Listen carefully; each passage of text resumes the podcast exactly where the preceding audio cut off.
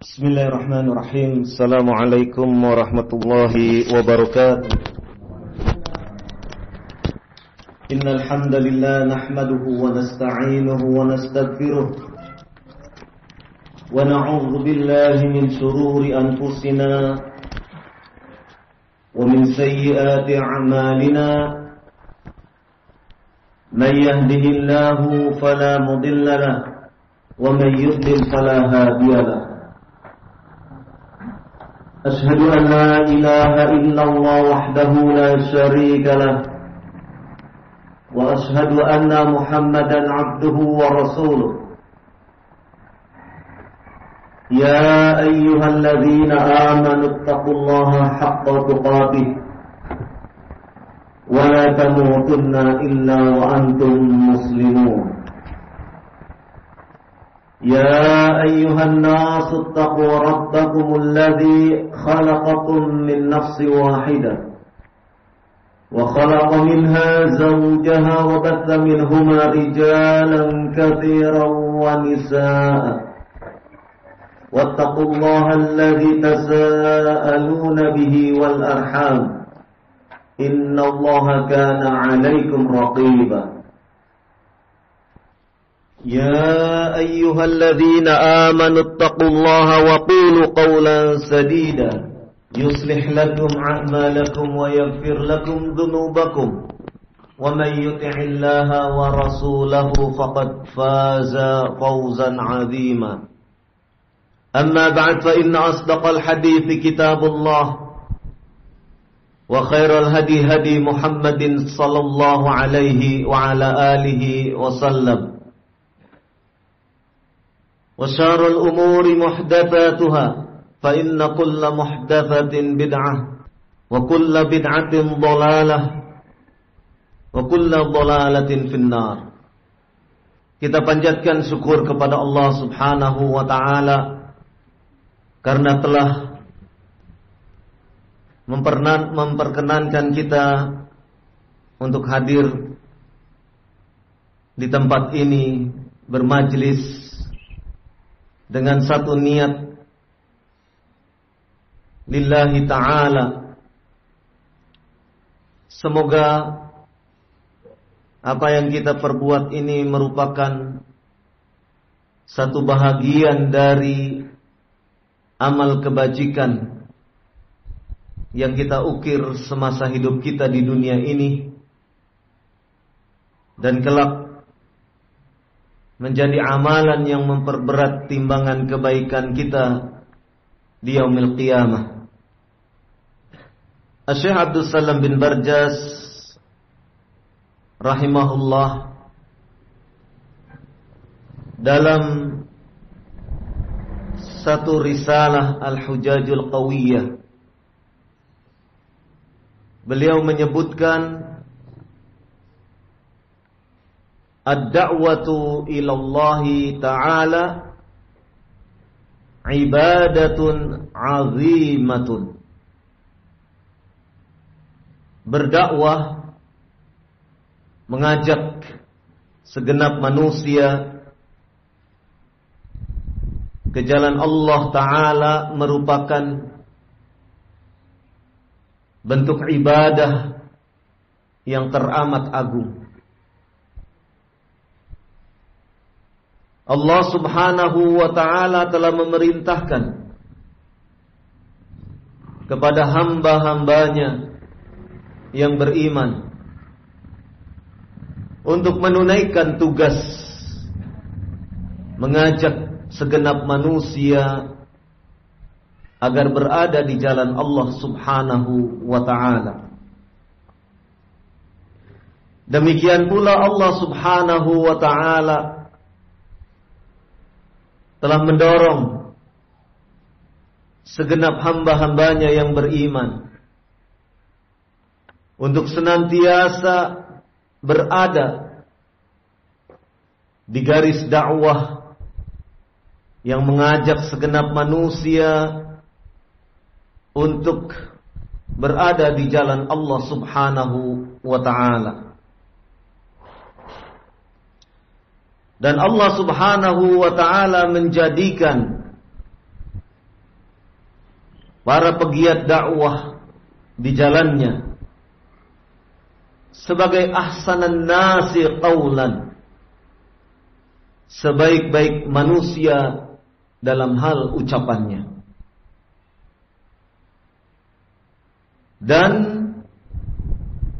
dikatakan sebagai seutama-utama manusia di dalam amalannya.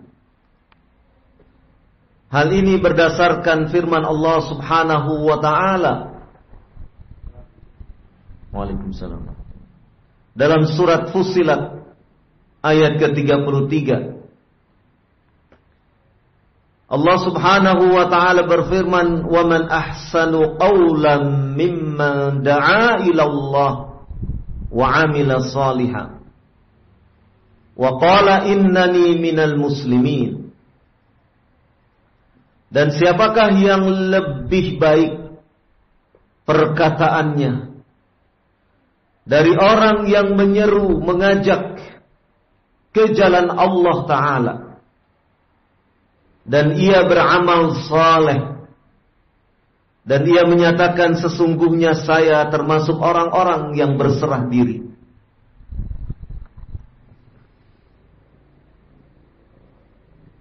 Di dalam firman Allah Subhanahu wa taala ini secara tegas dinyatakan bahwasannya tidak ada perkataan yang lebih baik dari seseorang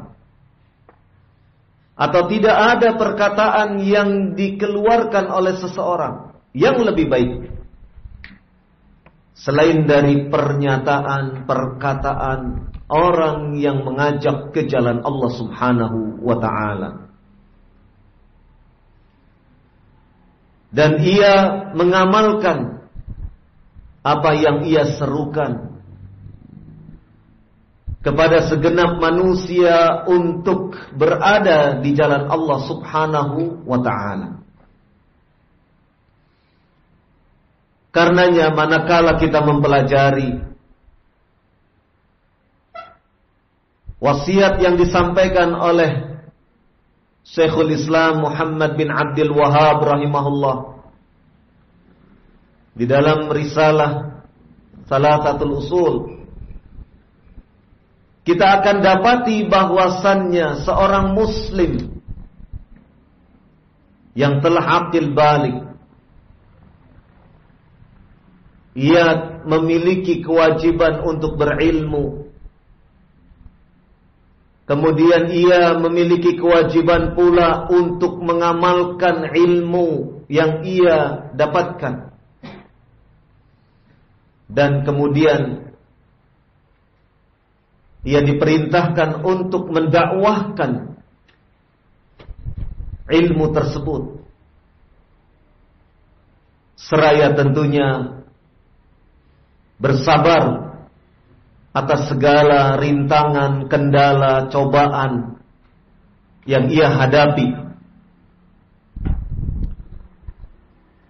Ini merupakan wasiat yang ditujukan kepada kaum muslimin yang telah akil balik yang ia telah terkena kewajiban untuk menunaikan syariatnya maka berdakwah mengajak manusia ke jalan Allah Subhanahu wa taala merupakan ibadah yang teramat agung berdakwah mengajak ke jalan Allah Subhanahu wa taala merupakan satu bentuk amalan yang dilakukan oleh para rasul Allah Subhanahu wa taala. Tugas utama yang disampaikan adalah mengajak kaumnya, mengajak manusia yang ada di sekitarnya untuk senantiasa mengesahkan Allah Subhanahu wa taala dan memerangi berbagai kesyirikan yang ada di sekitarnya. Berdakwah ke jalan Allah Subhanahu wa taala merupakan tugas kewajiban yang diemban oleh setiap hamba Allah yang mengaku ia sebagai pengikut dari Rasulullah sallallahu alaihi wa ala alihi wasallam. Manakala ia mengaku sebagai pengikut Nabi sallallahu alaihi wa ala alihi wasallam, maka ia berkewajiban untuk menunaikan tugas mulia tersebut. Hal ini disebutkan di dalam surat Yusuf ayat ke-108. Allah Subhanahu wa taala berfirman, "Qul hadhihi sabili ad'u ila Allah ala basiratin ana wa man ittaba'ani wa subhanallahi wa ma ana minal musyrikin Katakanlah inilah jalanku. Saya menyeru ke jalan Allah. Atas dasar basirah saya dan orang-orang yang mengikuti saya. Dan maha suci Allah dan tiadalah saya termasuk orang-orang yang menyekutukannya. Firman Allah Subhanahu wa taala di dalam ayat ini menegaskan bahwasannya para pengikut Nabi sallallahu alaihi wa ala alihi wasallam mereka adalah ad-du'at ilallah mereka adalah orang-orang yang memiliki kewajiban untuk menyampaikan al-haq. Orang-orang yang memiliki kewajiban untuk mengajak segenap manusia ke jalan Allah Subhanahu wa taala, jalan yang diridhoinya.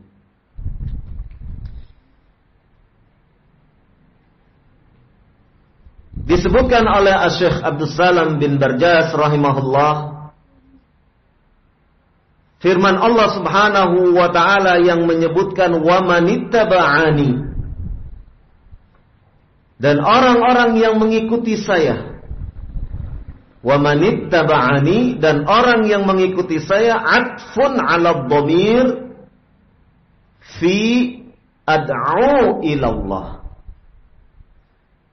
merupakan satu bentuk rangkaian dari dhamir yang ada di dalam firman Allah Subhanahu wa taala ad'u ilallah.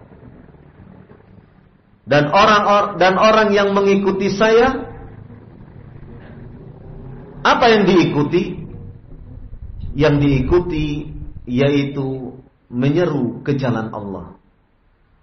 Karena Ar-Rasul sallallahu alaihi wa ala alihi wasallam dalam firman Allah Subhanahu wa taala ini menyebutkan ad'u ilallah saya menyeru ke jalan Allah Subhanahu wa taala. Qala fa fiha dalilun ala anna atba'ahu sallallahu alaihi wa ala alihi wasallam humud du'atu ila Allah taala. Di dalam ayat ini menunjukkan dalil bahwasannya para pengikut Nabi sallallahu alaihi wa ala alihi wasallam mereka adalah para duat ilallahi ta'ala. Mereka adalah para da'i. Orang-orang yang berdakwah, yang mengajak kepada segenap manusia untuk berada di jalan Allah Subhanahu wa taala. Maka firman Allah Subhanahu wa taala ini menunjukkan tentang wajibnya setiap muslim untuk menunaikan dakwah ad-da'watu ilallahi ta'ala. Ikhafidin azakumullah. Apa yang didakwahkan? Dalam surat Yusuf ayat ke-108 ini disebutkan ala basiratin yang didakwahkan yaitu sesuatu yang bersandarkan kepada basirah. Dakwah yang ditunaikan adalah dakwah yang disandarkan kepada basirah. Para ulama menyebutkan yang dimaksud dengan basirah adalah al-ilm. Bahwasannya dakwah yang disampaikan ke hadapan umat adalah al-ilmu syar'i. Syariat yang telah dibawa oleh Rasulullah sallallahu alaihi wa ala alihi wasallam. Dan disebutkan pula oleh Syekh Muhammad bin Salih Al-Utsaimin rahimahullah ketika menjelaskan tentang ayat ini. Di dalam salah satu risalah beliau yaitu Qaulul Mufid. Sebagai bentuk risalah penjelas terhadap kitab kitab tauhid. Asy'ari Ibnu Utsaimin rahimahullah menyebutkan bahwasannya pengertian ala basirah juga bisa dimaknai dengan pengertian pengetahuan terhadap keadaan mad'u yakni al-ilm bihalil mad'u pengetahuan seorang dai terhadap keadaan orang yang akan didakwahinya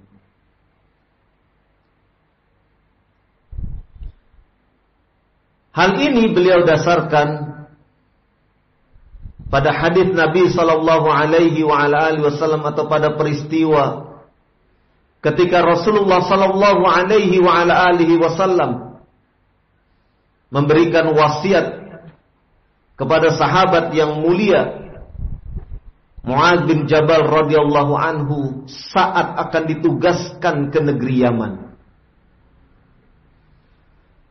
Nabi sallallahu alaihi wasallam berwasiat Innaka ta'ti qauman min ahlil kitab.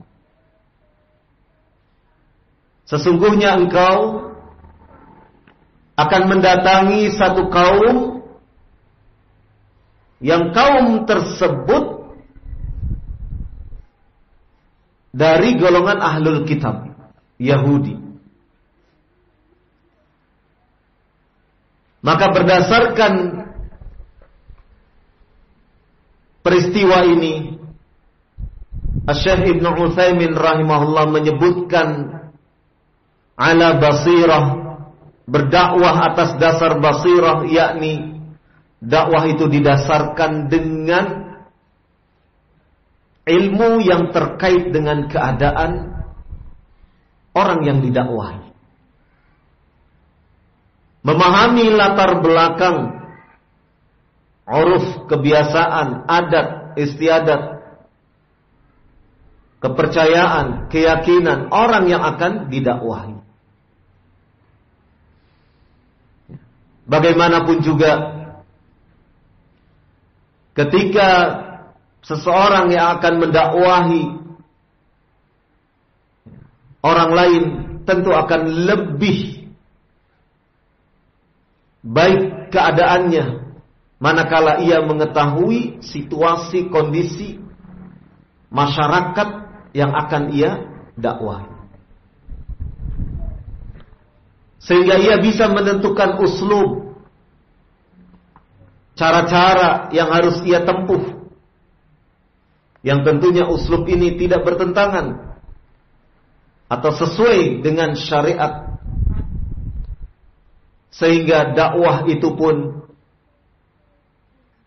bisa berhasil guna, berdaya guna, bermanfaat Tidak hanya bagi diri orang yang mendakwahkan, tetapi juga bagi orang yang didakwahi. Inilah sebenarnya bekal yang sudah disampaikan atau diajarkan oleh para ulama salaf di dalam mengajak manusia ke jalan Allah Subhanahu wa taala. Dan dakwah mengajak manusia ke jalan Allah Subhanahu wa taala Janganlah kemudian digambarkan dengan berdiri di podium, berdiri di mimbar, berkhutbah, berpidato, berceramah. Itu adalah salah satu saja bahagian daripada dakwah.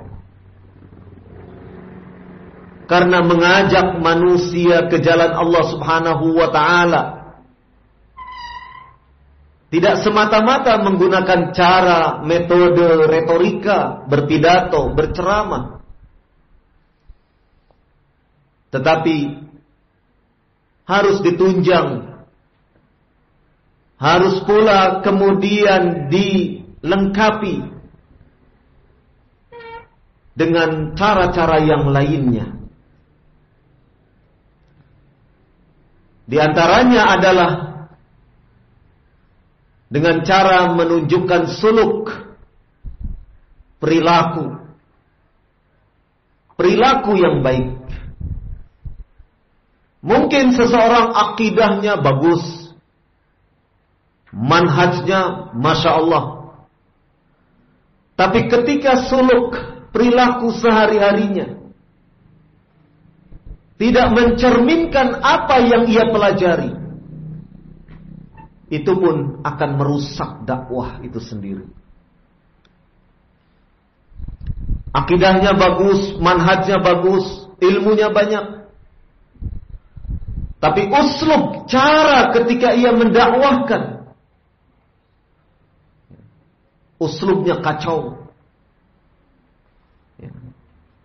Sehingga kemudian orang yang semestinya bisa menerima dakwah yang ia sampaikan. Tetapi karena uslub cara penyampaian yang ia sampaikan tidak mengena, tidak berkenan di hati orang yang ia ajak, maka orang itu pun lantas tidak serta merta untuk bisa menerimanya. Ini yang akan menjadikan dakwah itu kacau. Artinya bisa terkena nokta hitam dengan sebab perbuatan satu dua orang dari pelaku dakwah itu. Oleh karena itu, para ulama mengajarkan bahwasannya seseorang yang berdakwah mengajak kepada segenap manusia Selain ia memegang teguh prinsip-prinsip dakwah, baik itu dalam hal sisi akidahnya ataupun manhajnya, juga ia harus memperhatikan akhlak, harus memperhatikan suluk perilaku dia, tindak tanduk dia, uslub dia, cara dia dalam berdakwah.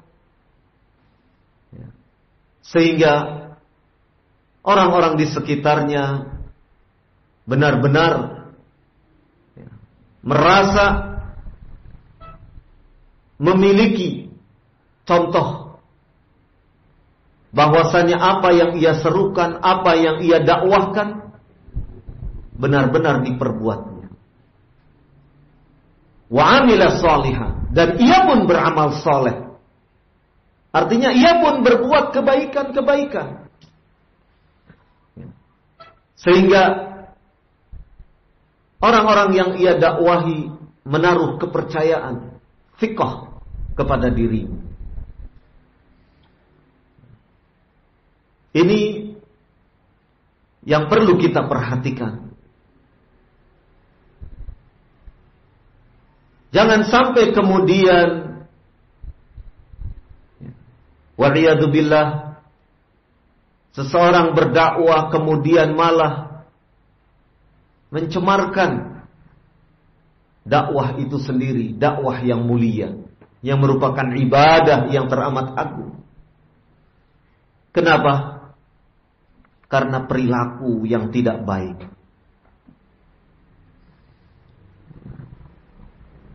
Karenanya di antara sebab-sebab keberhasilan dakwah selain kita memperhatikan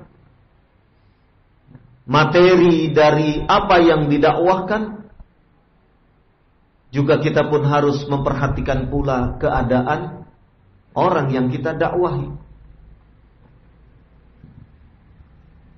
Ikhwafiddin azakumullah. Maka banyak cara agar kita bisa terlibat di dalam dakwah ini. Manakala kita tidak bisa berdakwah dengan lisan kita. Banyak sarana media yang bisa kita gunakan untuk dakwah. Baik itu tulisan-tulisan melalui media sosial atau tulisan-tulisan melalui media cetak atau tulis atau ceramah-ceramah melalui audio yang semuanya itu merupakan media yang bisa guna kita gunakan untuk menyampaikan risalah kepada segenap manusia. Dan salah satu daripada bentuk dakwah kita, perhatian kita kepada tetangga, ya, yaitu di antaranya dengan melalui cara dakwah ini. Tapi tetangga saya belum bisa diajak taklim. Tidak apa-apa. Tetangga saya pun belum bisa untuk diajak berbicara karena saya terbatas kemampuan di dalam mengungkapkan materi dakwah melalui lisan tidak apa-apa.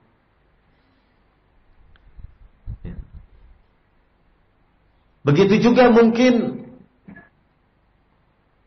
saya belum bisa untuk menyampaikan ke tetangga saya tulisan-tulisan, bacaan-bacaan, tidak apa-apa. Nah lantas dakwahnya bagaimana? Dakwahnya dengan menunjukkan perilaku yang baik. Dengan menunjukkan akhlak yang baik kepada tetangga kita. Di antara contoh akhlak yang baik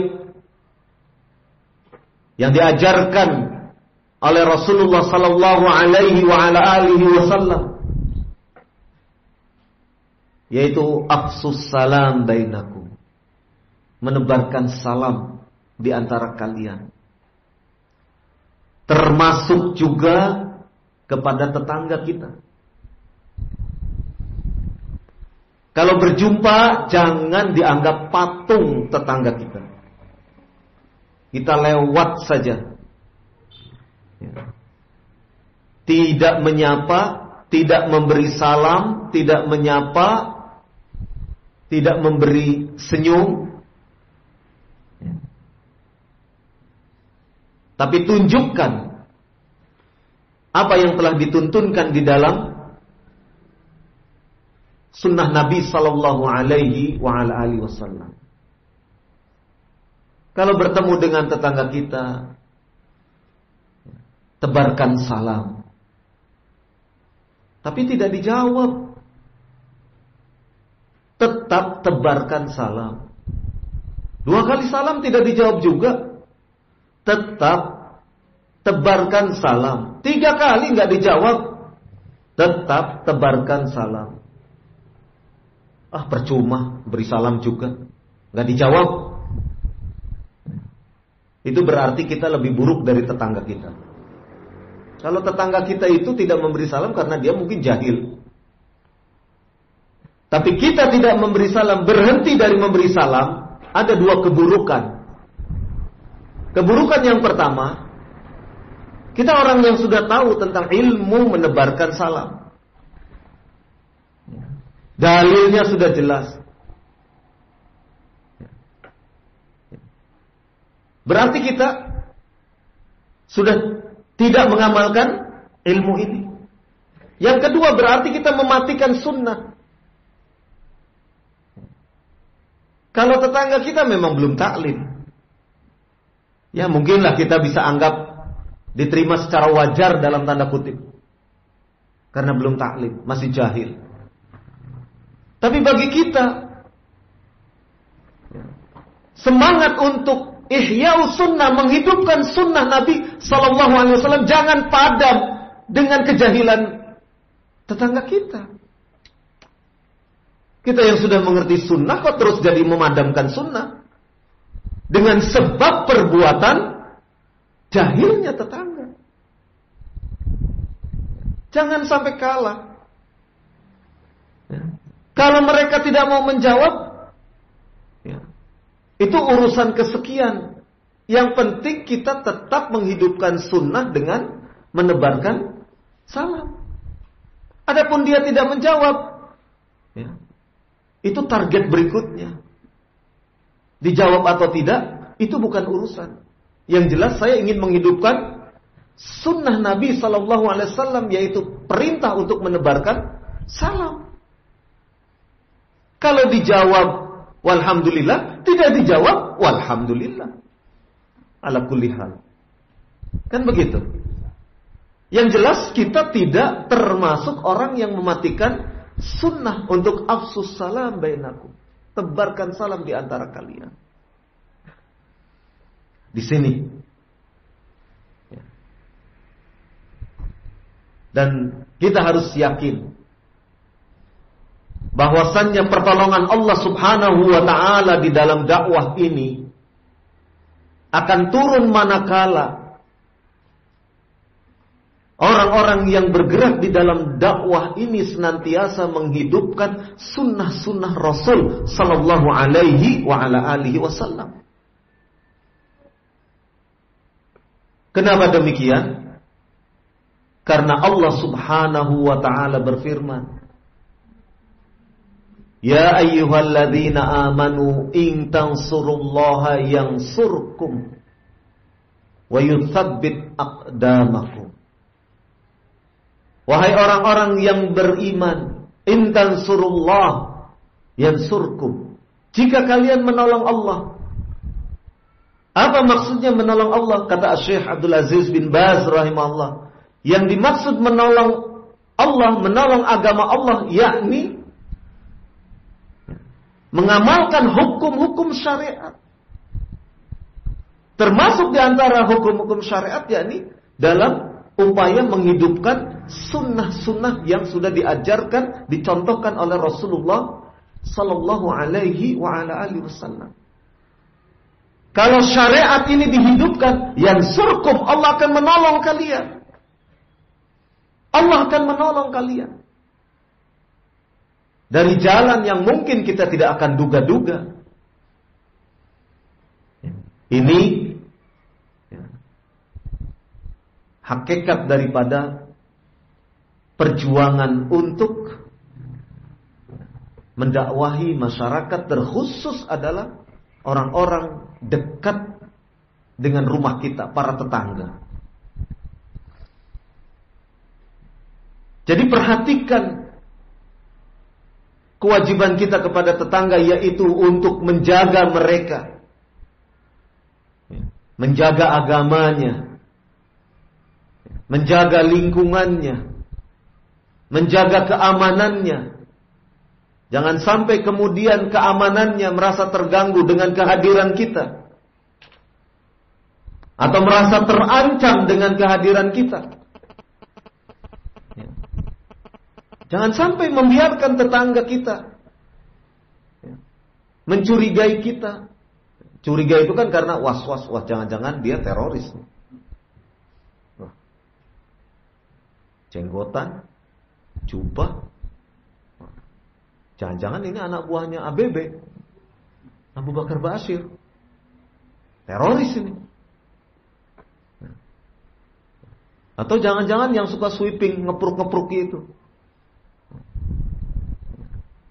Jangan sampai kemudian tetangga kita menaruh kecurigaan itu.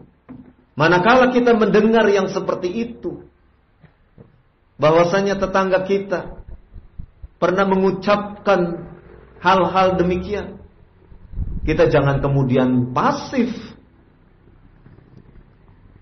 malah semakin menutup rapat pintu rumah kita, semakin eksklusif. Ya. Kalau kita mendengar, oh, bapak yang rumahnya di sana, mengucapkan kata-kata demikian. Kita harus proaktif mendatanginya. Datangi. Tapi jangan bawa golok. Bawanya apa? Kalau musim rambutan, ya bawakan rambutan. Datangi. Assalamualaikum. Waalaikumsalam. Pak, boleh saya masuk? Silakan. Perkenalkan saya tetangga baru Bapak. Saya baru 10 hari tinggal di sini, rumahnya di sana. Saya tetangga baru Bapak, perkenalkan nama saya ini ini ini, saya berasal dari ini ini ini, saya bekerja di sini dan seterusnya. Identitas diri kita buka. Supaya tidak ada kecurigaan. Saya sudah melapor ke Pak RT, saya sudah menyerahkan KTP kakak saya dan seterusnya. Jelaskan. Ini ada sedikit oleh-oleh dari daerah saya. Daerah saya ini daerah di pesisir pantai utara. Penghasil minuman segar siwalan. Oh, Bapak dari Tuban? Iya, betul.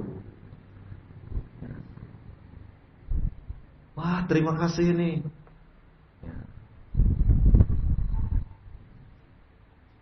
Kalau ada waktu boleh saya mampir lagi, Pak? Oh, ya silakan, silakan. Besok bawa siwalan lagi. Tapi ya, disertai buletin al-ilmu. Iya, mulai masuk. Kan begitu. Begitu dia sudah menunjukkan penerimaannya kepada kita, jangan di sia-siakan. Jangan kemudian ya sudah sekali itu saja datang, tidak ada kunjungan selanjutnya. Jangan kalah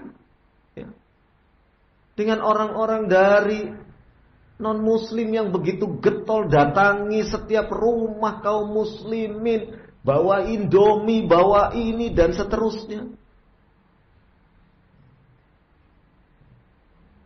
Kita jauh harus lebih mampu. Dan kita tidak mencontoh mereka, tapi kita melaksanakan apa yang diperintahkan oleh Allah Subhanahu wa taala. Karena kita adalah umat Nabi Muhammad sallallahu alaihi wa ala alihi wasallam dan umat Nabi Muhammad sallallahu alaihi wasallam diperintahkan untuk berdakwah.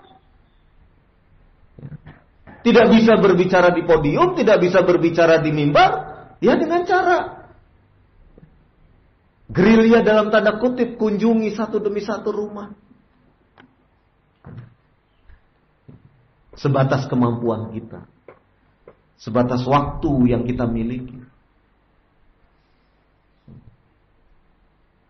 Selain kita memenuhi kewajiban kita sebagai tetangga, tetangga kita pun memiliki hak untuk mendapatkan rasa aman dari kita. Dan rasa aman itu kita tumbuhkan di dalam hatinya dengan mendekatkan diri kepada Allah Subhanahu wa taala. Melalui apa? Melalui ilmu syariat yang kita tebarkan, yang kita sampaikan. Mungkin dengan satu buletin. Ya, jangan banyak-banyaklah sebulan sekali.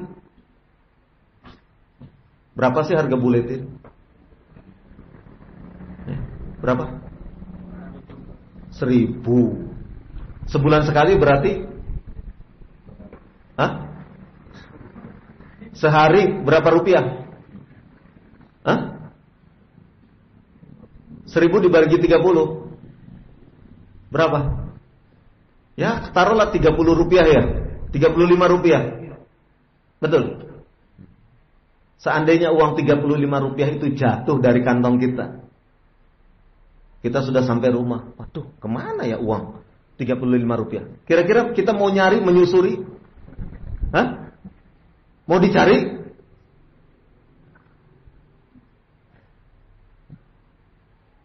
Artinya apa? Untuk dakwah itu kan bisa murah sekali. Iya. Ya masa paketan internet bisa dibeli. Al ilmu satu eksemplar tidak bisa dibeli. Dan untuk tetangga kita lagi. Yang memiliki hak dan kewajiban dari kita kan?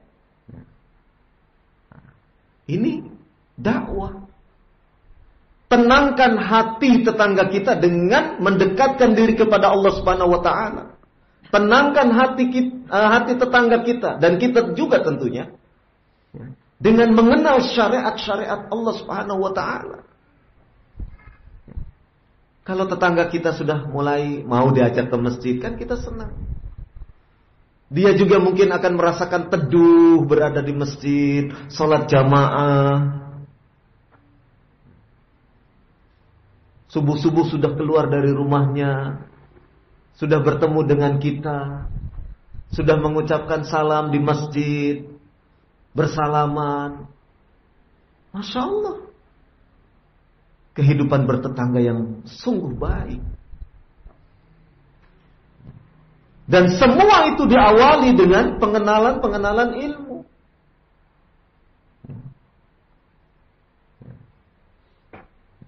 Berikan ilmu tentang tauhid, berikan ilmu tentang kecintaan terhadap sunnah.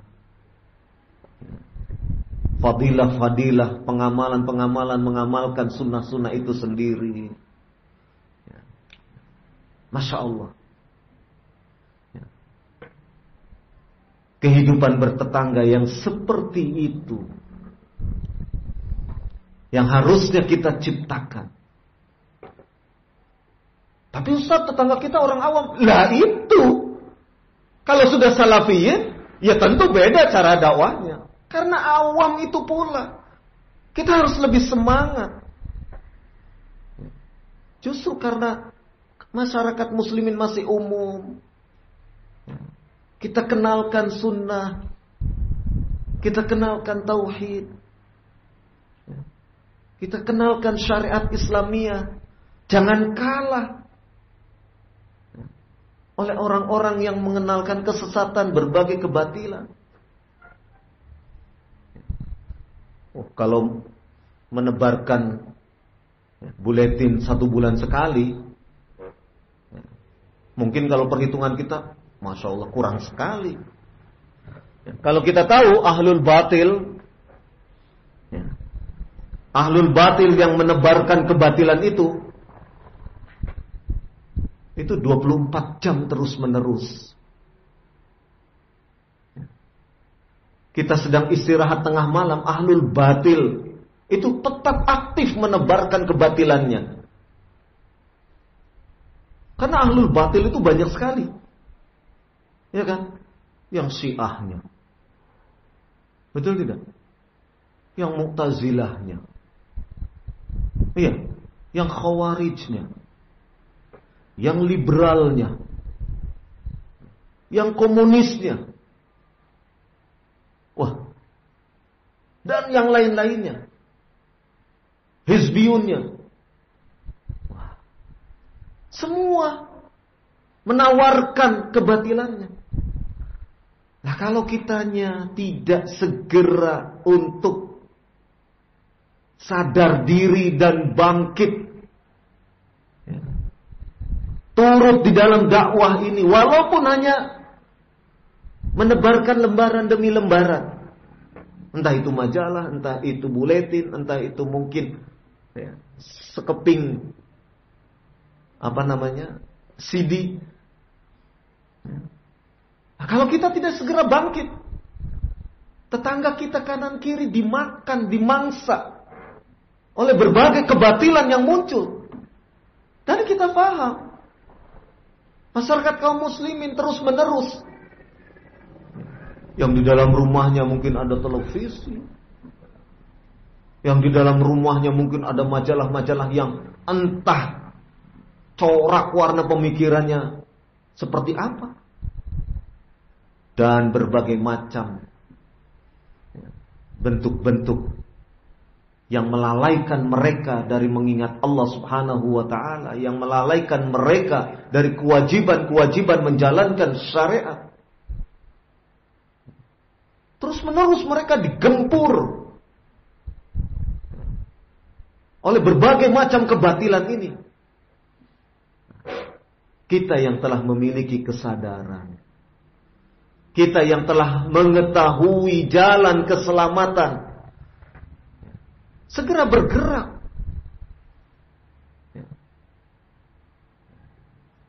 Bila perlu door to door. Dari pintu ke pintu kita tapi mengawalinya bagaimana? Ya mengawalinya. Ya. Dengan kita terus membuka kepekaan di lingkungan kita, tetangga kita, istrinya melahirkan. Ayo ajak istri kita. Ah itu tengok itu. Ibu fulana punya bayi baru. Baru melahirkan. Tengok. Ya. Bawai sesuatu Kan begitu. Ya. Tunjukkan kepedulian. Jangan pasif. Oh, saya ini kan cuma masyarakat kecil. Loh, yang kecil kan bisa jadi besar. Ya. Ketika mental kita, sikap mental kita memang ingin memberikan kebaikan itu akan sangat ya, dihargai dan dihormati oleh orang lain. Tunjukkan niat baik kita. Tunjukkan amalan-amalan soleh kita. Nah, ini penting. Ya. Jadi tetangga kita, istrinya melahirkan, istri kita Istri kita pun tidak begitu saja.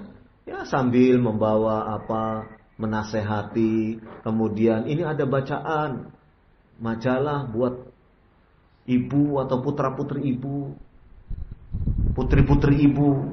Majalah apa? Kita kan punya kan majalah wanita kan? Nah, terus demikian.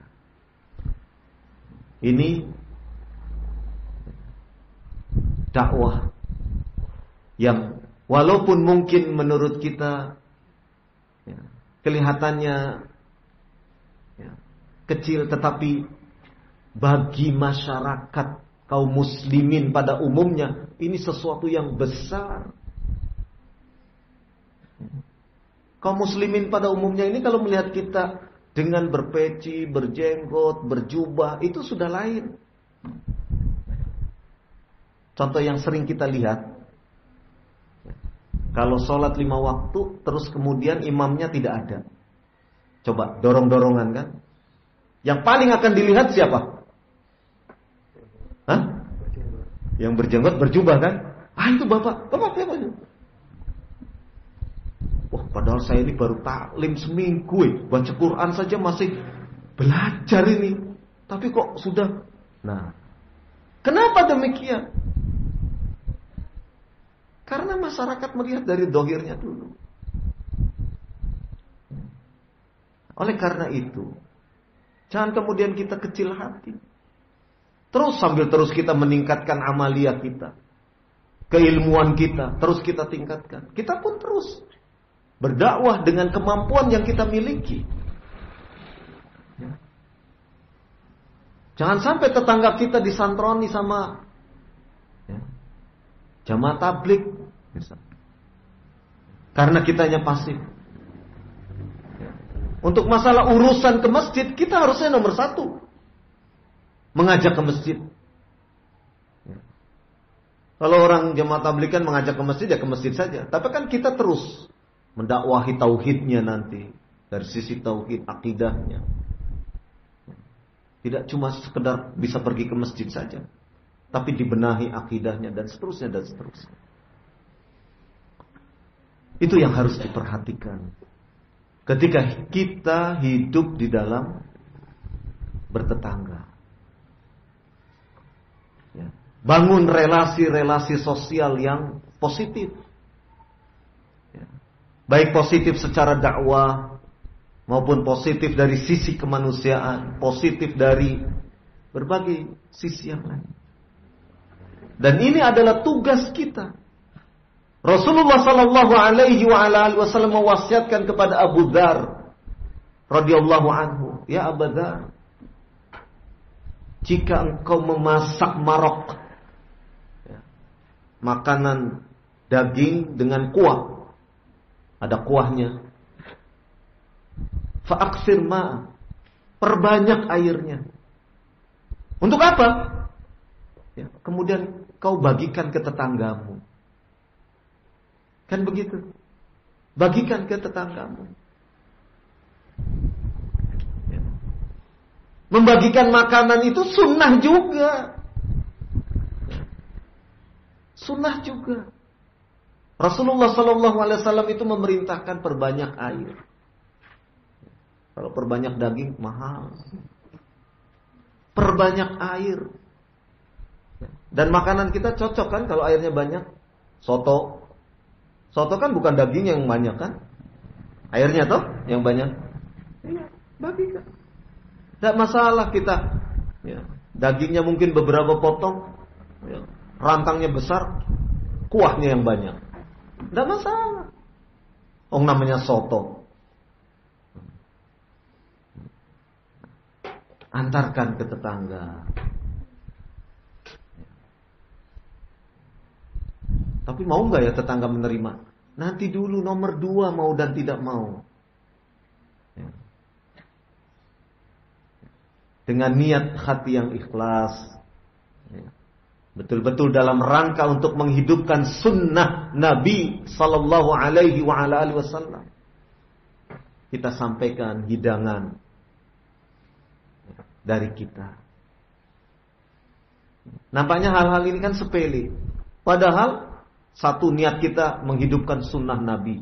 Ikhlas karena Allah subhanahu wa ta'ala. Menghidupkan sunnah Nabi sallallahu alaihi wasallam. Kalau masalah makanannya disantap atau tidak, suka atau tidak suka, itu nomor berikutnya. Yang jelas kita sudah ingin menghidupkan apa yang dituntunkan oleh Nabi Shallallahu Alaihi Wasallam di dalam kehidupan bertetangga.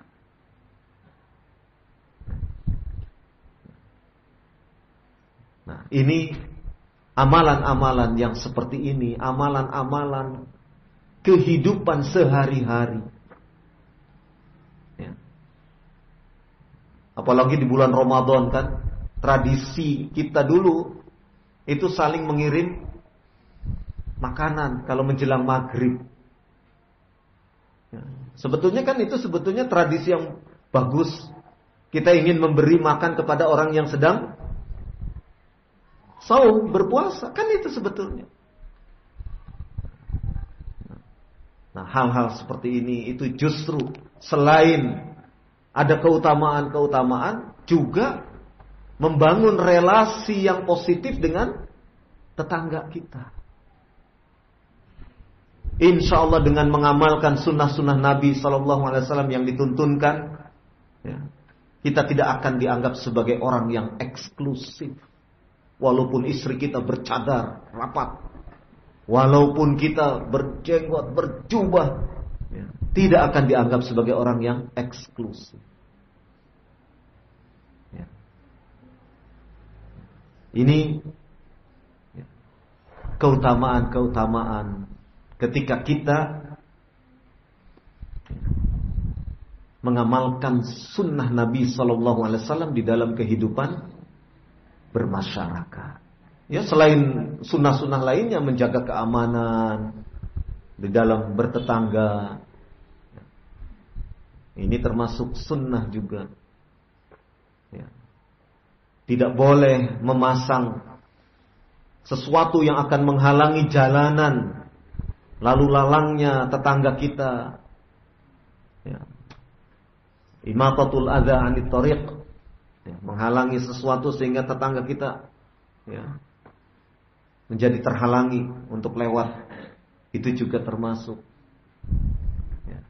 Bahkan termasuk dari cabang-cabang keimanan. Ya. Cabang keimanan yang paling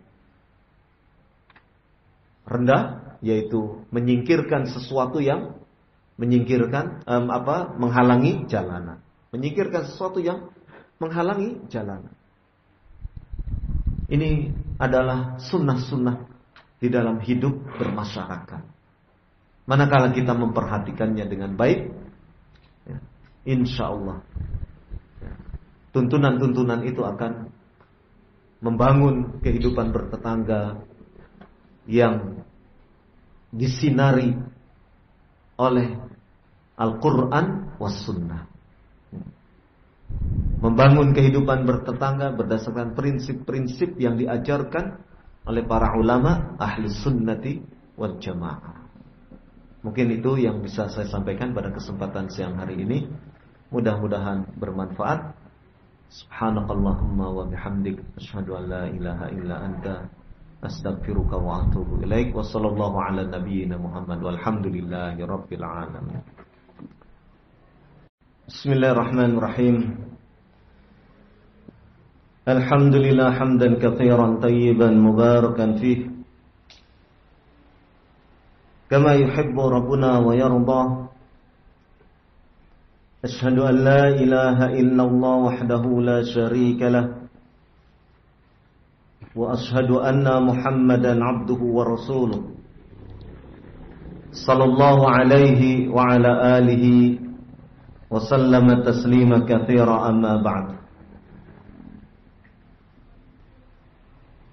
Subhanahu wa taala berfirman Wa takum minkum ummatun yad'una ilal khair wa ya'muruna bil ma'ruf wa yanhauna 'anil munkar wa ulaika humul muflihun Ali Imran ayat ke-104 Pada ayat ini Allah Subhanahu wa taala menyebutkan tentang keutamaan sekelompok manusia yang menunaikan tugas menyeru kepada al-khair kepada kebaikan dan memerintahkan manusia untuk berbuat yang ma'ruf dan mencegah dari perbuatan yang mungkar. Allah sampaikan bahwasannya kelompok manusia tersebut dikatakan sebagai al-muflihun. Orang-orang yang mendapatkan kemenangan, keberuntungan. Dari ayat ini menunjukkan bahwasannya seseorang yang bergiat di dalam tugas dakwah menebarkan risalah yang dibawa oleh Rasulullah sallallahu alaihi wasallam menunaikan tugas dalam rangka li'ila bi kalimatillah meninggikan kalimat Allah Subhanahu wa taala dan mengajak manusia untuk berjalan di atas al-khair, kebaikan. Segenap kebaikan adalah sesuatu yang selaras dengan firman Allah Subhanahu wa taala. Segenap al-khair kebaikan adalah segala sesuatu yang selaras dengan tuntunan Nabi sallallahu alaihi wa ala alihi wasallam. Dan inilah tugas yang mulia menyampaikan al-haq kebenaran di tengah berbagai macam kebatilan. Kemudian Allah Subhanahu wa taala pun berfirman, "Ud'u ila sabili rabbika bil hikmati wal mau'izatil hasanah. Wajadilhum billati hiya ahsan." Dalam surat An-Nahl ayat ke-125. Serulah oleh engkau ke jalan Rabbmu dengan cara yang hikmah dan dengan nasihat yang baik dan dengan dan berjidalah kalian dan berjidalah pada mereka dengan cara yang baik pula. Allah Subhanahu wa taala menegaskan memerintahkan menegaskan perintahnya kepada kita semua untuk mengajak manusia ke jalan Rabbnya dengan cara yang hikmah yaitu yang selaras dengan Al-Quran was sunnah bifahmi salafil ummah. Dan dengan nasihat-nasihat yang baik. Sehingga dakwah yang mulia ini tersampaikan. Dan dakwah yang mulia ini bisa diterima di segenap lapisan masyarakat. Penting sekali kita memberikan teladan, memberikan contoh nyata di hadapan kaum muslimin yang lain. Baik dalam bentuk ucapan tutur kata ataupun dalam bentuk perbuatan. Sebagaimana tadi saya sampaikan bahwasannya bisa saja seseorang itu dia memiliki bekal keilmuan yang cukup. Namun manakala dakwah itu tidak diiringi dengan suluk, perilaku, tindakan, tutur kata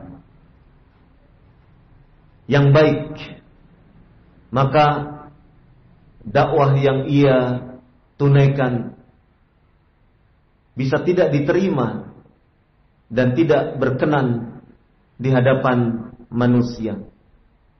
Artinya bahwasannya sesuatu yang sebenarnya baik, tapi karena ketika menyampaikan, ketika melakukan satu bentuk penyampaian dakwah itu dengan cara-cara yang tidak hikmah, menjadikan orang kemudian lari dari dakwah itu sendiri.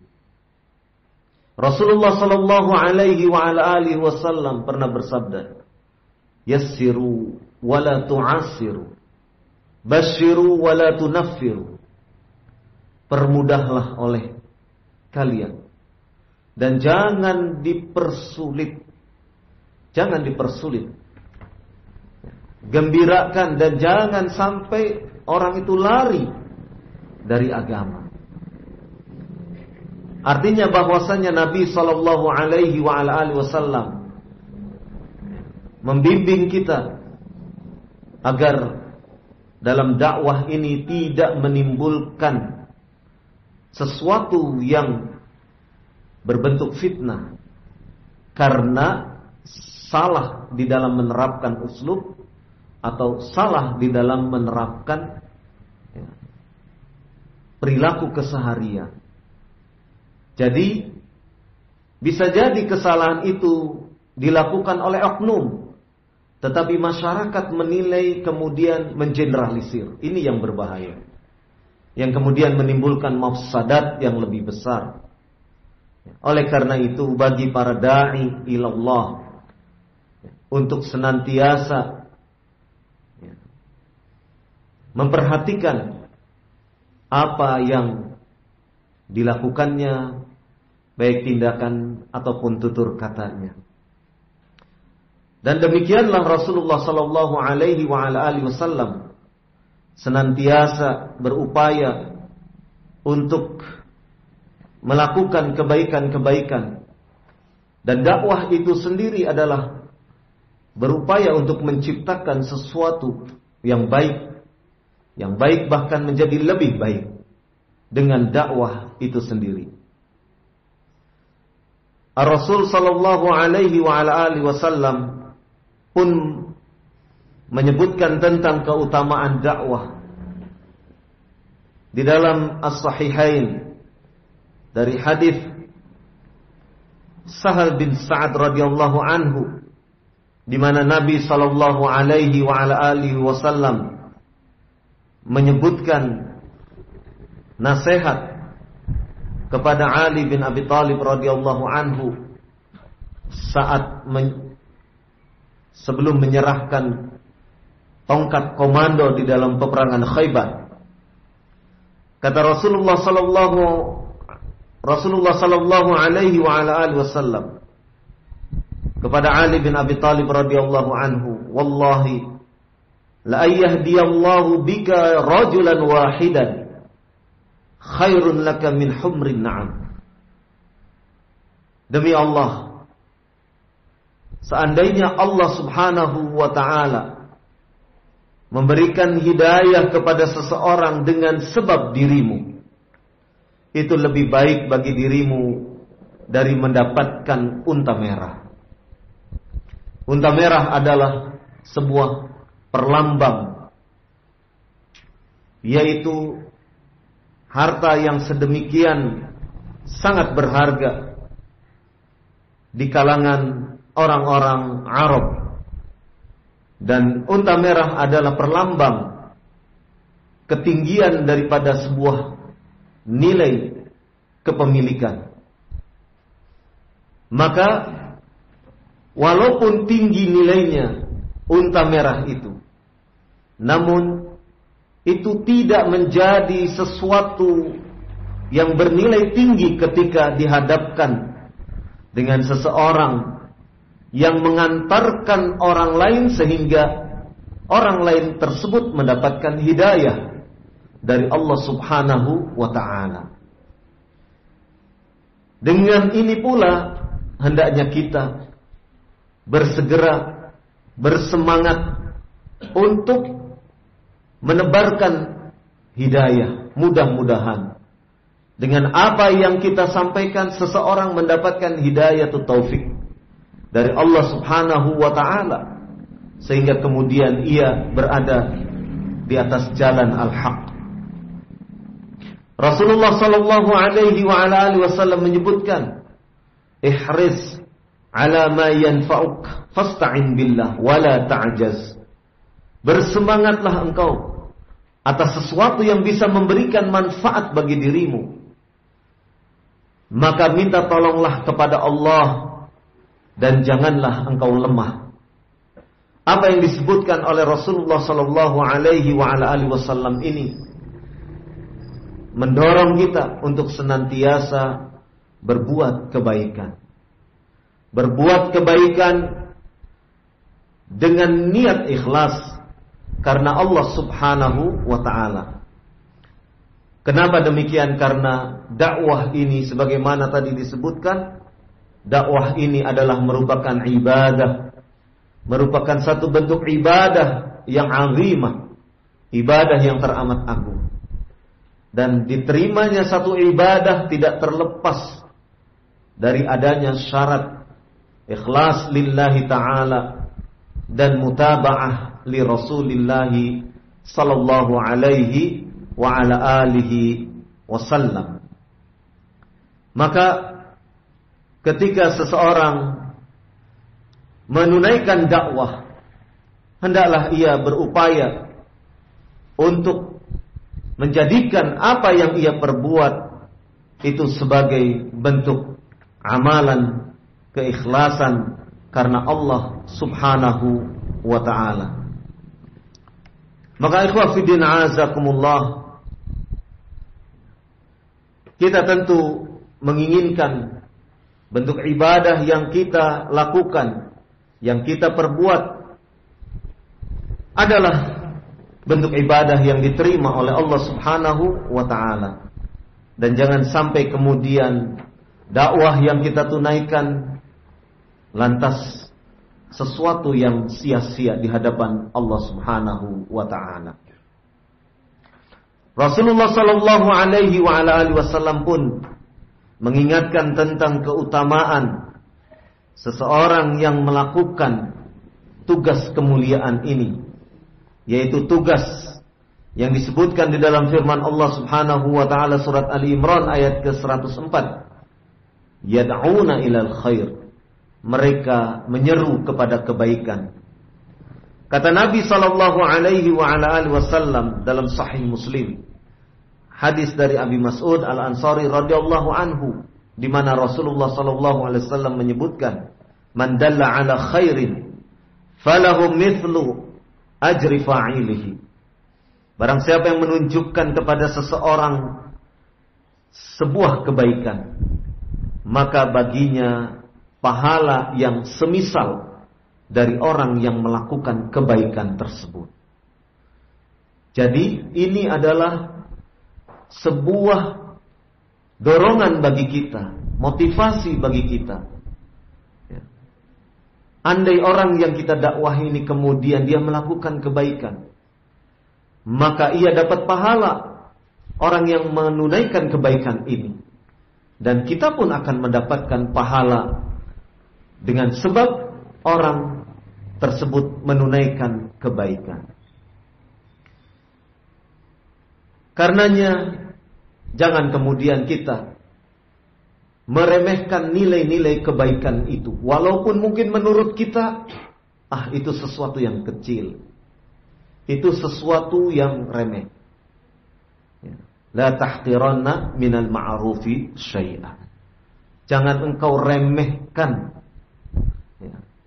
sesuatu yang ma'ruf walaupun itu sedikit. Satu contoh misalnya. Di lingkungan kita ada masjid. Kita mengajari anak-anak belajar membaca Al-Quran. Nampaknya ini sesuatu yang sesuatu yang biasa di tengah masyarakat kita. Banyak di tengah masyarakat ada TPA, ya, ada TPQ, sesuatu yang biasa. Tetapi manakala kita mengingat apa yang disabdakan oleh Nabi Sallallahu Alaihi Wasallam, ya, hadis dari sahabat yang mulia Uthman bin Affan radhiyallahu anhu, hadis riwayat Bukhari. Kata Nabi Sallallahu Alaihi Wasallam, Khairukum man ta'allamal Qur'an wa 'allamahu. Sebaik-baik kalian adalah orang yang mau belajar dan mau mengajari tentang Al-Qur'an. Ar-Rasul sallallahu alaihi wa ala alihi wasallam mengatakan khairukum sebaik-baik kalian. Ya, sebaik-baik kalian. Ini menunjukkan keutamaan orang yang mau belajar tentang Al-Qur'an dan orang yang mau mengajari tentang Al-Quran. Nampaknya mungkin bagi kita apa sih artinya mengajari anak-anak mulai dari A, bata dan seterusnya. Ya. Nampaknya ini adalah pekerjaan rutinitas. Pekerjaan yang mungkin kita anggapnya biasa.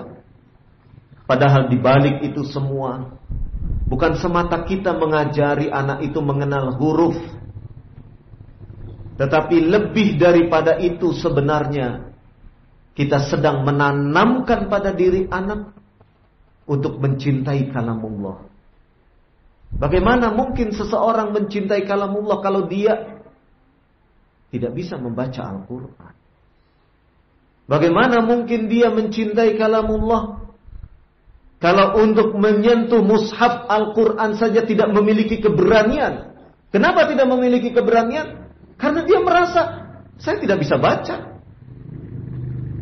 Jadi dengan kita mengajari anak-anak membaca Al-Quran dengan tartil, dengan cara yang baik, itu sebenarnya dibalik itu semua kita sedang menanamkan satu mental, ya. bukan revolusi mental, satu mental kepada anak didik kita, satu tabiat, satu kepribadian yang sangat agung, yang sangat agung. Sehingga kalau kepribadian ini tertanam pada diri anak, luar biasa. Apa itu kepribadian? Kepribadian mencintai kalamullah. Kepribadian ingin mengamalkan Al-Quran. Kepribadian ingin selalu dekat dengan Al-Quran. Kepribadian dengan mengukur segala tingkah laku perbuatan tutur katanya dengan Al-Quran. Dan tentunya was sunnah. Dan ini semua diawali. Diawali ketika kita menanamkan, mengajari mereka, membaca, menulis tentang Al-Quran. Ya. Ini proses tarbiyah. Ini proses tarbiyah. Lebih daripada itu, kita yang mengajari akan senantiasa menuai pahala. Setiap anak ini dia beranjak dewasa, ia kemudian sudah usia lanjut, dia tetap membaca Al-Quran. Dengan sebab kita, dia bisa membaca Al-Quran. Pahala itu terus mengalir kepada kita. Luar biasa. Satu anak, dua anak, tiga anak, sepuluh anak, sekian puluh anak. Lipat pahala untuk kita. Walaupun kita sudah meninggal dunia, itu terus mengalir sebagai amal jariah kita. Ilmu yang bermanfaat, ilmu yang bermanfaat yang kemudian diamalkan oleh orang yang mendapatkan ilmu tersebut. Ini keutamaan yang sangat luar biasa. Makanya mungkin bagi kita, ya ngajari Quran kan biasa saja. Ya. Tetapi ketika kita mengetahui makna hakikat di belakang itu, kita menjadi bertambah semangat. Ya. Kita bertambah semangat untuk menjadikan anak-anak ini ya, dalam membaca Al-Quran, tahsinnya, ya, membacanya dengan tartil, masya Allah. Tentu benar apa yang dikatakan oleh Rasulullah Sallallahu Alaihi Wasallam, khairukum man ta'allama al-Quran wa 'allama. Ini salah satu bentuk dakwah. Ya. Belum kalau orang tuanya tahu, oh anak saya sudah bisa baca Quran, senangnya luar biasa, masya Allah. Ini bisa menjadi wasilah untuk dakwah berikutnya, ya. Melalui anaknya, ya. dan kemudian orang tuanya bisa didakwahi, masya Allah. Satu keutamaan yang sangat besar bisa kita dapatkan ya, dengan dakwah ini. Maka barang siapa yang menunjuki kepada seseorang tentang satu nilai kebaikan dan ia kemudian mengamalkan nilai kebaikan itu, maka orang yang menunjuki itu pun mendapatkan pahala sebagaimana orang yang mengerjakannya.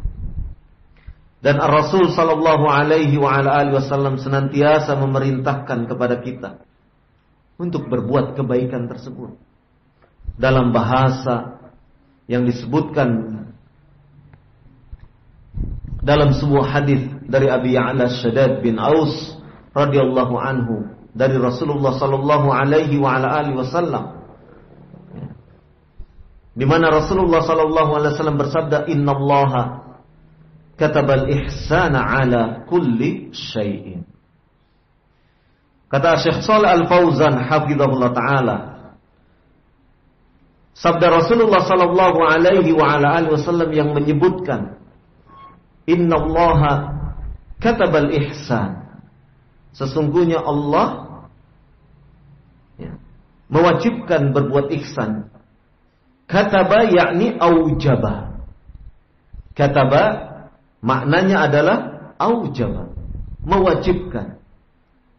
Dan Allah Subhanahu wa taala wallahu taala aujabal ihsana ala kulli syai'in. Dan Allah Subhanahu wa taala telah mewajibkan kepada kita semua tentunya untuk berbuat ihsan, berbuat baik terhadap segala sesuatu. Kata Syekh Saleh Al-Fauzan hafizahullah taala, yang dimaksud dengan berbuat baik meliputi kepada tiga hal. Wal ihsanu yakunu bainal abdi wa bainar rabbi. Berbuat ihsan seseorang berbuat ihsan kepada Rabbnya. Yang kedua, wa bainal abdi wa bainan nas. Berbuat ihsan seorang hamba kepada sesama manusia. Kemudian wa bainal abdi wa bainal bahaim. Seseorang berbuat ihsan, seorang hamba berbuat ihsan terhadap hewan-hewan peliharaannya. Karena di dalam hadis ini disebutkan Lanjutan daripada hadis ini disebutkan faida qataltum faahsinu al-qitlah. Jika kalian membunuh maka baguskanlah cara membunuh tersebut. Wa idza dzabhtum faahsinu adzabha. Dan apabila engkau menyembelih, kalian menyembelih maka perbagus cara menyembelihnya. Al hadis. Dalam hadis ini riwayat Muslim. Jadi kata Syekh Shalih Al Fauzan hafizahullah taala yang dimaksud ihsan berbuat ihsan seorang hamba kepada Rabbnya ini adalah amal ihsanu bainal abdi wa bainar rabbi fahuwa a'la maratibid din perbuatan ihsan seorang hamba terhadap Rabbnya ini adalah merupakan tingkatan yang paling tinggi di dalam tingkatan agama. Kenapa demikian? Wadzalika bi ayya'budu rabbahu ka'annahu yushahiduhu. Karena sesungguhnya seorang hamba tersebut ia menyembah beribadah kepada Rabbnya seakan-akan ia menyaksikan menyaksikan Allah Subhanahu wa ta'ala. Ini sebagaimana makna al-ihsan, pengertian al-ihsan yang dijelaskan oleh Rasulullah sallallahu alaihi wa ala alihi wasallam dalam hadis Jibril. Ya, hadis dari Umar bin Al-Khattab radhiyallahu anhu di mana Rasulullah sallallahu alaihi wasallam ya, ketika ditanya oleh Jibril yang menyerupakan sosok seorang laki-laki Jibril bertanya, "Akhbirni anil ihsan." Ya. Atau ditanya tentang apa itu al-ihsan. Maka Rasulullah sallallahu alaihi wa wasallam bersabda, "Al-ihsanu an ta'budallaha ka'annaka tarahu." Fa in lam takun tarahu fa innahu yaraka.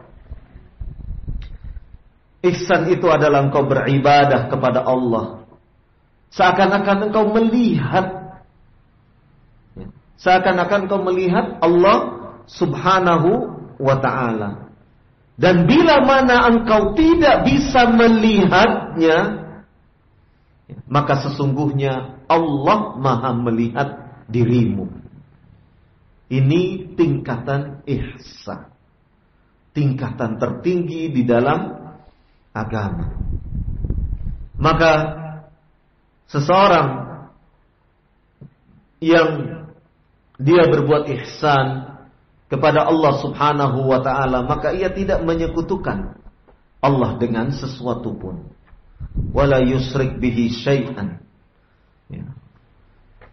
Wala tusriku bihi syai'an. Dan janganlah kalian ya, janganlah kalian menyekutukan Allah Subhanahu wa taala dengan sesuatu pun. Ini perbuatan ihsan.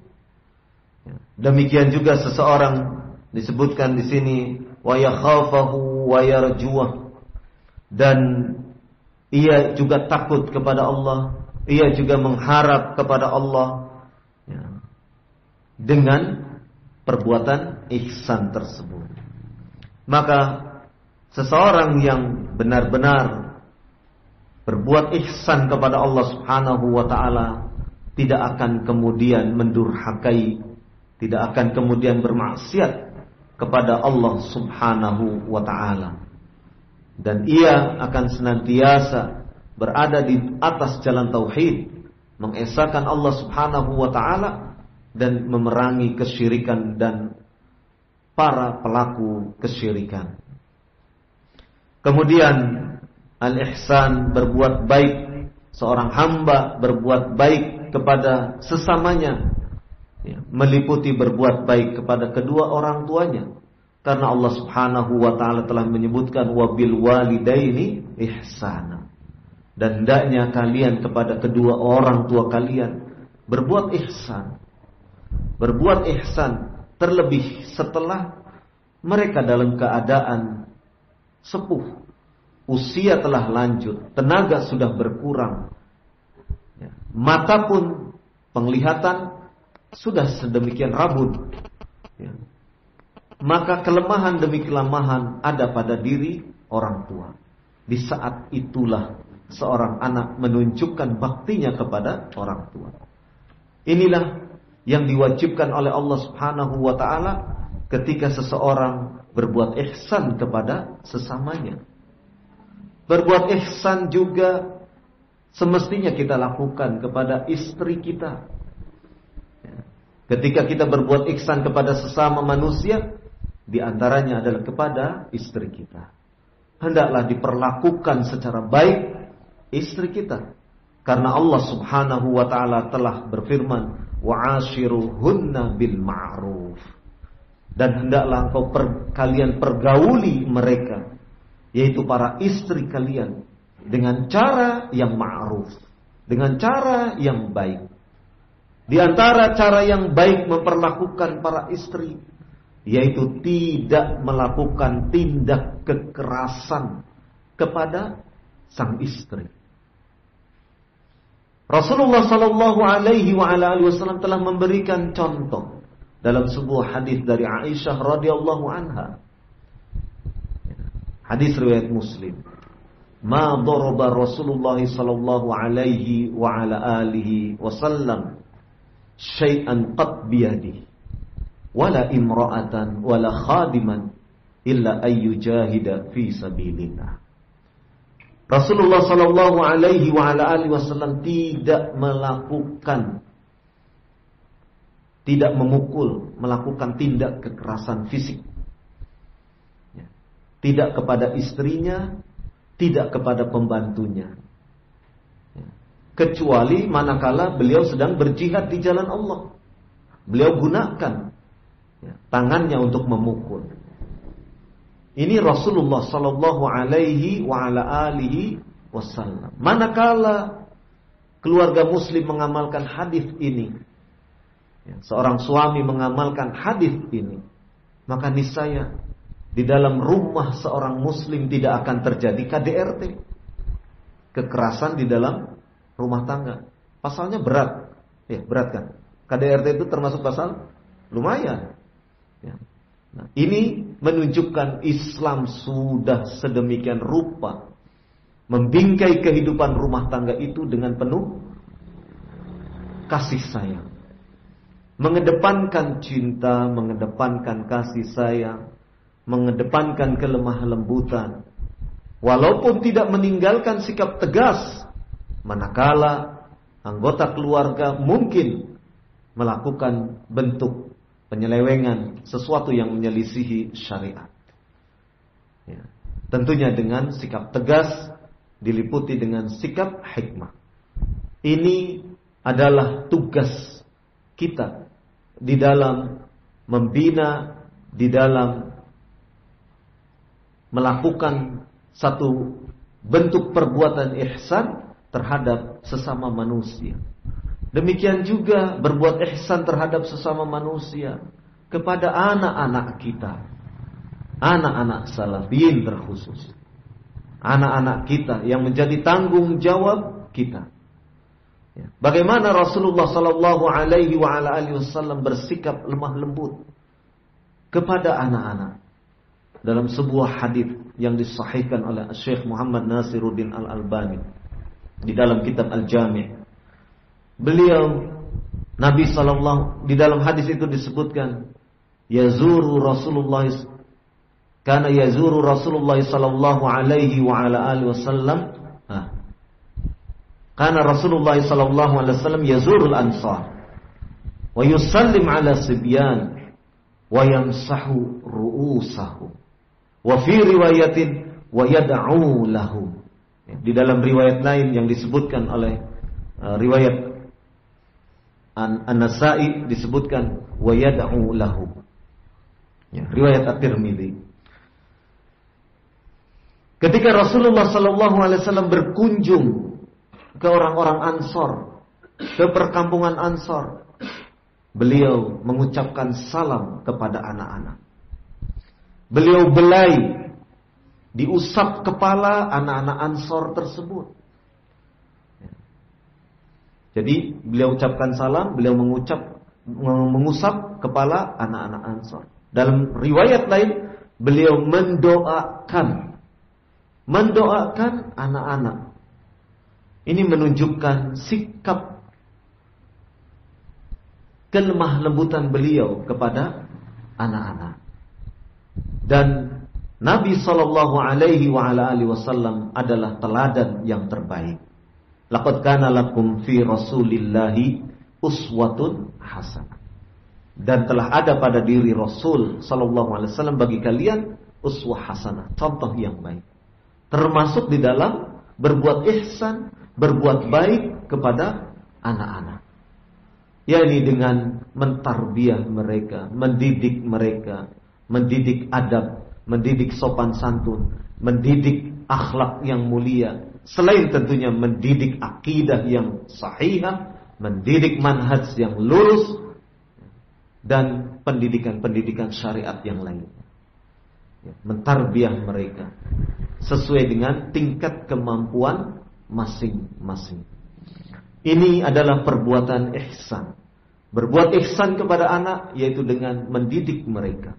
Mendidik sesuai dengan apa yang telah dituntunkan oleh Rasulullah sallallahu alaihi wa ala alihi wasallam sehingga anak-anak kita mencintai kalamullah sehingga anak-anak kita mencintai sunnah-sunnah Rasulnya sallallahu alaihi wa ala alihi wasallam sehingga anak kita memerangi kesyirikan dan para pelaku kesyirikan. Sehingga anak kita memiliki kepribadian untuk enggan bahkan memerangi ya, kebid'ahan. Ya, sesuatu yang menyelisihi apa yang diajarkan oleh Rasulullah sallallahu alaihi wasallam. Ini bahagian ihsan, bahagian daripada kita berbuat baik kepada sesama manusia, yaitu berbuat baik kepada anak-anak kita. Termasuk bainal abdi wa bainan nas yaitu berbuat baik kepada tetangga kita. Tadi pada season pertama telah disinggung bagaimana kita berbuat baik kepada tetangga kita. Tentunya dengan cara-cara yang dituntunkan ya, oleh Rasulullah Sallallahu Alaihi Wasallam. Tidak lepas dari koridor syariat. Ini semua adalah merupakan tuntunan agama yang mulia. Manakala kita mempraktekkan nilai-nilai agama secara baik di dalam masyarakat, secara perlahan-lahan, masyarakat akan terbina dengan sebaik-baiknya. Tentunya pasta'in billah sebagaimana disabdakan oleh Nabi sallallahu alaihi wasallam yaitu hendaknya kita terus memohon pertolongan memohon pertolongan kepada Allah Subhanahu wa taala. Kenapa kita senantiasa mengupayakan terus memohon pertolongan kepada Allah Subhanahu wa taala saat kita berupaya ya, menunaikan tugas dakwah ini karena tabiat manusia diciptakan oleh Allah Subhanahu wa taala dalam keadaan lemah ya. tidak bisa kemudian kita bangga diri, siapa ini saya? Saya sudah belajar sekian tahun di syekh, masyayikh dan seterusnya tidak bisa. Sehebat-hebatnya manusia, dia diciptakan dalam tabiat yang lemah. Serba memiliki keterbatasan. Serba memiliki kelemahan. Karena itu memang sudah dimaktubkan di dalam Al-Quran. Allah subhanahu wa ta'ala berfirman. Wa khuliqal insanu da'ifa. Diciptakannya manusia itu dalam keadaan da'if, lemah. Ya, jangan petantang petenteng. Ya, merasa diri paling bisa misalnya. Ya, merasa diri ya, paling pintar, merasa diri oh ya ujub dan seterusnya. Waliyadzubillah. Kita berlindung kepada Allah Subhanahu wa taala dari as-sayyi'at dari akhlak yang buruk seperti itu. Maka teruslah kita memohon kepada Allah Subhanahu wa taala karena kita menyadari betapa terbatasnya kemampuan kita, betapa lemahnya diri kita. Dan betapa sekian banyaknya kita melakukan salah dan dosa. Terus memohon ampun kepada Allah Subhanahu wa taala, bertaubat, terus memohon pertolongan kepada Allah Subhanahu wa taala agar Allah Subhanahu wa taala membantu dakwah kita. Membantu apa yang menjadi tugas kewajiban kita menyampaikan risalah yang mulia ini. Ini sangat penting sekali. Kita berdoa di sepertiga akhir malam bermunajat kepada Allah Subhanahu wa taala. Ya. Mengadukan setiap masalah yang ada pada diri kita. Memohon kepada Allah Subhanahu wa taala, memohon magfirah, memohon ampunannya, memohon rahmatnya, memohon pertolongannya. Ya. Memohon kemudahan. Ya. Ketika kita menunaikan tugas yang mulia ini. Ya. Mudah-mudahan dengan demikian Allah Subhanahu wa taala mengabulkan permohonan-permohonan kita. Dan ini adalah sesuatu yang patut untuk kita lakukan. Ya. Ini berbuat ihsan kepada tetangga hendaknya dengan cara-cara yang ma'ruf. Sebagaimana yang telah diajarkan di dalam syariat. Kemudian berbuat baik tidak hanya kepada manusia, juga kepada makhluk Allah Subhanahu wa taala yang lainnya, termasuk kepada binatang peliharaan kita. Ya. Memberinya makan, memberinya minum, manakala itu dipelihara dalam keadaan dikerangkeng. Karena dalam riwayat-riwayat yang sahih ya, disebutkan ada salah seorang wanita pelacur dari Bani Israel yang mendapatkan ampunan dari Allah Subhanahu wa taala dengan sebab memberi minum kepada anjing yang kehausan dan akan mati. Demikian juga sebaliknya. Ada seorang wanita yang masuk ke dalam neraka disebabkan oleh seekor kucing yang ia ikat, yang ia kerangkeng, sehingga kucing itu tidak bisa mencari makan. Sementara kucing tersebut diikat, tidak diberi makan, ya. tidak dilepas untuk kemudian dibiarkan mencari makan sendiri. Hadis sahih. Ya. Seorang wanita masuk neraka dengan sebab kucing. Ini menunjukkan ya, hak asasi binatang itu sudah sedemikian rupa ya, diperhatikan oleh agama yang mulia ini. Bukan hak asasi manusia saja, tapi binatang pun mendapatkan perhatian dari agama kita yang mulia ini. Maka ikhwah fiddin azakumullah. Ini adalah al-ihsan yang telah Allah wajibkan kepada kita untuk melakukannya, untuk berbuat, untuk mengamalkannya. Dan ketika seseorang berupaya dengan ikhlas karena Allah dan berupaya untuk menetapi apa yang telah diperbuat oleh Rasulullah Sallallahu Alaihi Wasallam, maka mudah-mudahan amal perbuatan kita diterima oleh Allah Subhanahu wa taala dan menjadi tabungan yang akan memperberat timbangan kebaikan kita di akhirat nanti. Demikianlah yang bisa saya sampaikan dalam acara tausiah ini. Mudah-mudahan bermanfaat dan mudah-mudahan kita bisa melaksanakan dengan sebaik-baiknya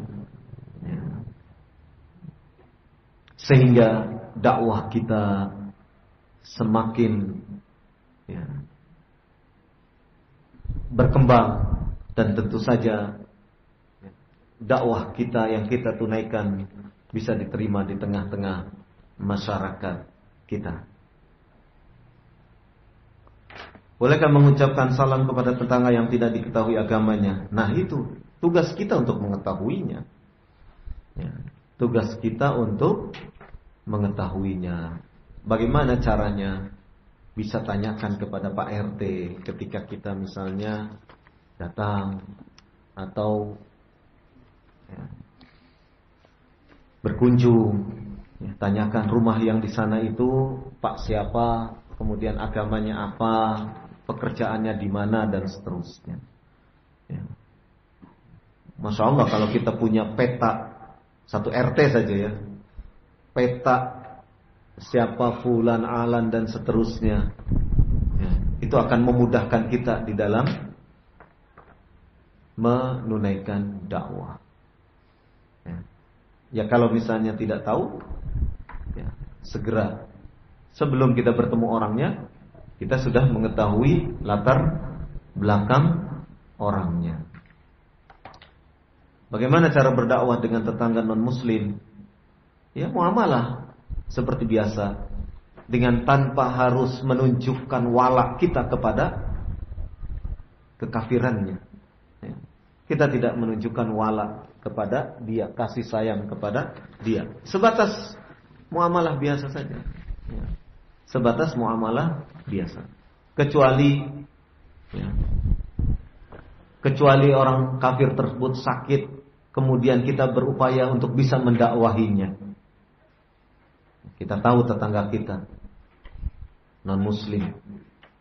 Nah, kita memberanikan diri menengok dalam rangka untuk mendakwahinya. Mudah-mudahan dia dapat hidayah. Ya. Misalnya. Ya, maka tengok, jenguk. Sebagaimana Rasulullah Sallallahu Alaihi Wasallam menjenguk seorang pemuda Yahudi yang sedang sakit. Ditengok oleh Rasulullah sallallahu alaihi wasallam. Kemudian oleh Rasulullah sallallahu alaihi wasallam pemuda Yahudi ini diminta untuk mengucapkan syahadatain. Diminta untuk bersyahadat. Sang pemuda ini menatap ke ayahnya yang ada di dekatnya. Kemudian sang ayah mengatakan, ikuti apa yang diucapkan Abul Qasim.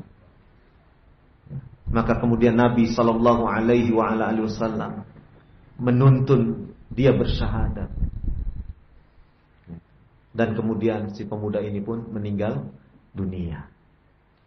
Itu contoh bagaimana Rasulullah Shallallahu Alaihi Wasallam ya, mendakwahi non Islam artinya orang Yahudi. Ya. Nah, hal yang semacam ini bisa kita lakukan, tapi perlu hati-hati. Karena apa? Ya. Karena bisa diadukan sebagai bentuk apa? Ya, pemaksaan mungkin. Tapi kita lihat situasi keadaan. Tapi yang jelas kita tidak perlu takut untuk berdakwah kepada selain non-muslim.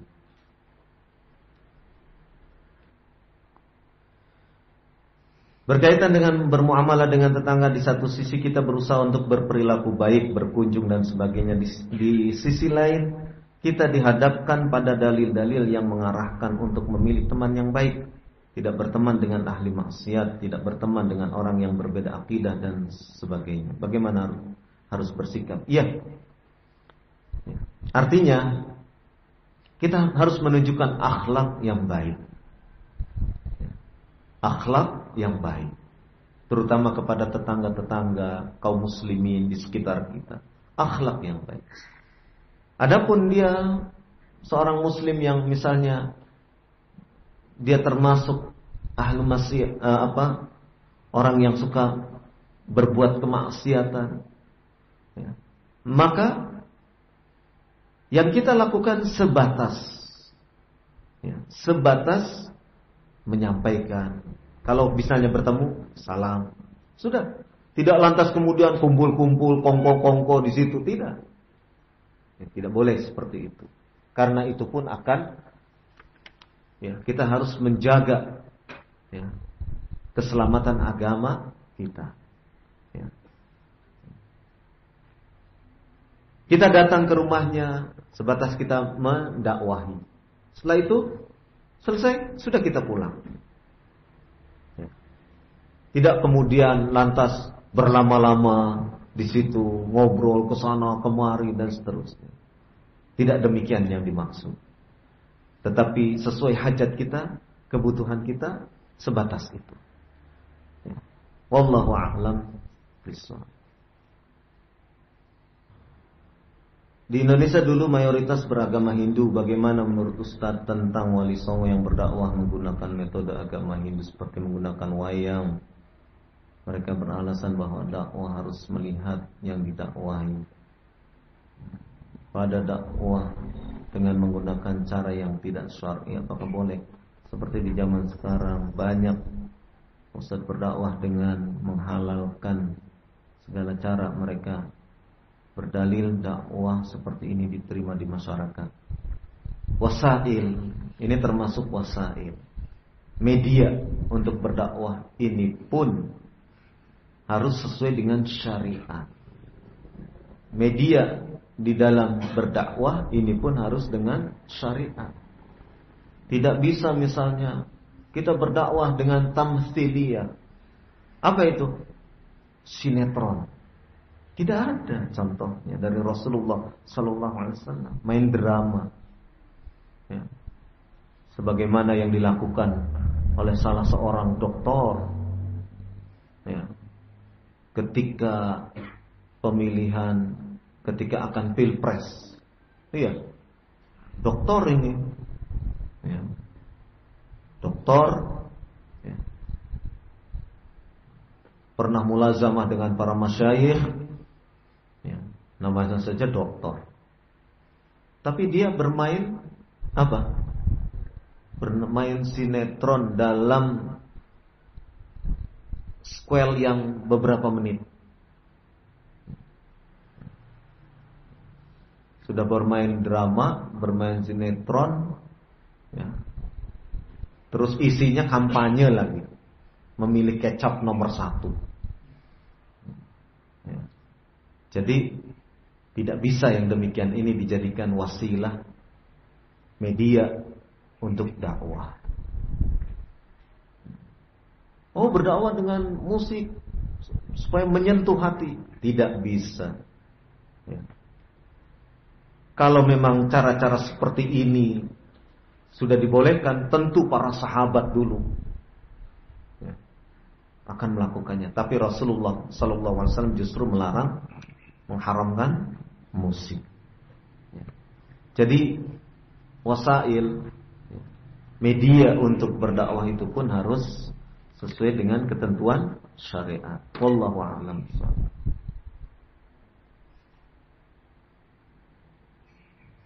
Apa ganjaran jika kita menghidupkan satu sunnah mohon dalil seperti tadi disebutkan? Iya, dalilnya sudah. Menyayangi, berbuat ihsan kepada hewan itu meliputi semua hewan apa peliharaannya saja. Ya semua hewan yang sekiranya itu tidak boleh dianiaya kecuali yang memang sudah dinaskan. Misalnya cecar.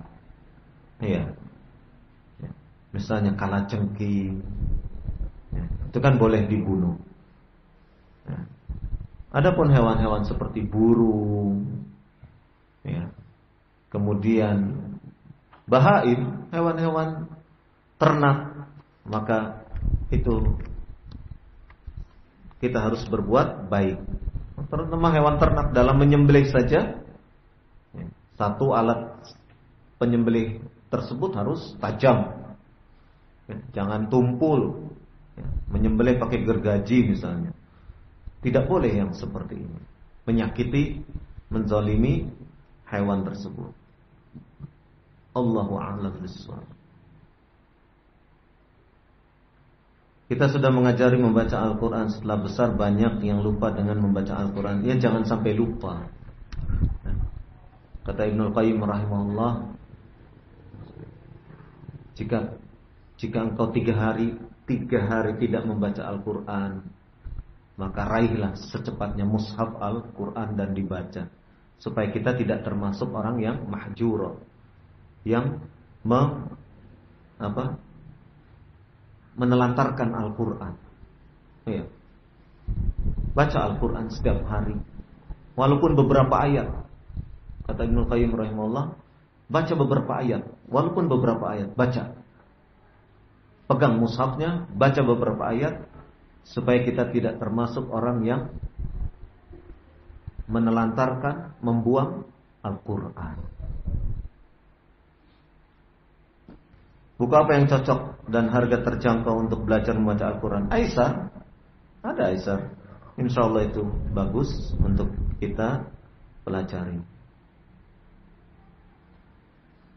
Bagaimana dengan anak yang enggan pakai hijab? Ya diajari, dididik dengan cara yang hikmah, dibiasakan, dinasehati terus. Ya. Maka biasakan anak-anak berhijab ketika masih kecil, ya, masih umur 5 tahun, 6 tahun, 7 tahun untuk membiasakan. Ya, untuk membiasakan. Bagaimana cara menasehati tetangga yang belum tahu adab-adab bertamu? Semisal bertamu pada jam-jam istirahat, pada dalam Islam boleh menolak tamu di saat pemilik rumah tidak berkenan. Bagaimana cara menasehatinya? ya datangi, diobroli dengan ya, diselingi nasihat misalnya atau dibuatkan ada tulisan-tulisan tentang adab-adab bertamu ya, disampaikan ya, dengan cara-cara yang ya, dengan cara-cara yang baik lah sehingga ya, atau mungkin tetangga tersebut diajak ke pengajian kemudian ditanyakan, kita bertanya kepada ustadznya ustadznya kemudian nanti menjelaskan sehingga tetangga itu tahu ya taklim diajak taklim kepada kita. Baik sampai di sini. Wallahu a'lam bishawab. Mudah-mudahan bermanfaat dan mudah-mudahan pertemuan kita ini diberkahi oleh Allah Subhanahu wa taala dan bisa memberikan manfaat yang sebesar-besarnya. Apabila ada hal-hal yang kurang berkenan, ada tutur kata yang tidak nyaman di hati, saya mohon maaf yang sedalam-dalamnya. Mudah-mudahan Allah Subhanahu wa taala senantiasa membimbing kita dan merahmati, memberi taufik kepada kita semua. Subhanakallahumma wa bihamdik Asyhadu an la ilaha illa anta astaghfiruka wa atubu ilaik. Wassallallahu ala nabiyyina Muhammad walhamdulillahi rabbil alamin. Assalamualaikum warahmatullahi wabarakatuh.